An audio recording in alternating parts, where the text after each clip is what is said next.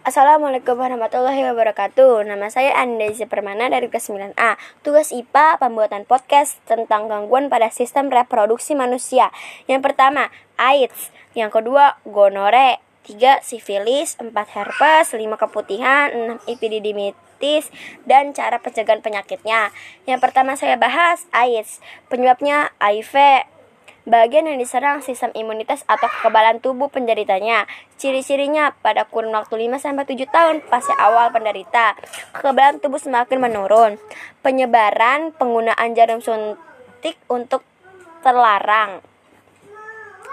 3. Gonore Penyebabnya bakteri Neisseria gonor gonor HOAE bagian yang diserang organ reproduksi pria dan wanita.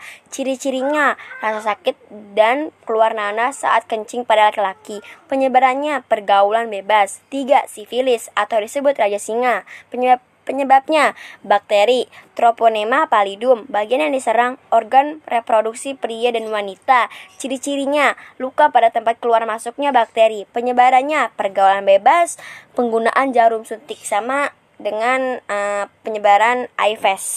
HIV. 4. Herpes simplex genitalis. Penyebabnya virus herpes simplex tipe 2. Bagian yang diserang kulit di sekitar daerah alat reproduksi anus. Ciri-cirinya rasa gatal dan kemerahan adanya lepu-lepu kecil yang bila dipecahkan dan menimbulkan luka.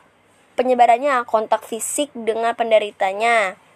5 keputihan. Keputihan ini uh, cuma terjadi pada wanita. Penyebabnya jamur atau Candida albicans, bakteri parasit, bagian yang diserang alat reproduksi wanita. Ciri-cirinya adanya cairan putih, kekuningan atau keabuan. E, mm, 6. Epididymitis. Penyebabnya iritasi zat kimia, bagian yang diserang saluran epidemi tis pada organ reproduksi pria. Ciri-ciri nyeri dan pemberontakan pada skrotum keluarnya nanah pada uretra. Penyebarannya pergaulan bebas. Oke, yang terakhir cara pencegahannya. Uh, satu harus bersih, dua kering, nyaman, pot, uh, uh, empat potong, olahraga. Uh, wassalamualaikum warahmatullahi wabarakatuh.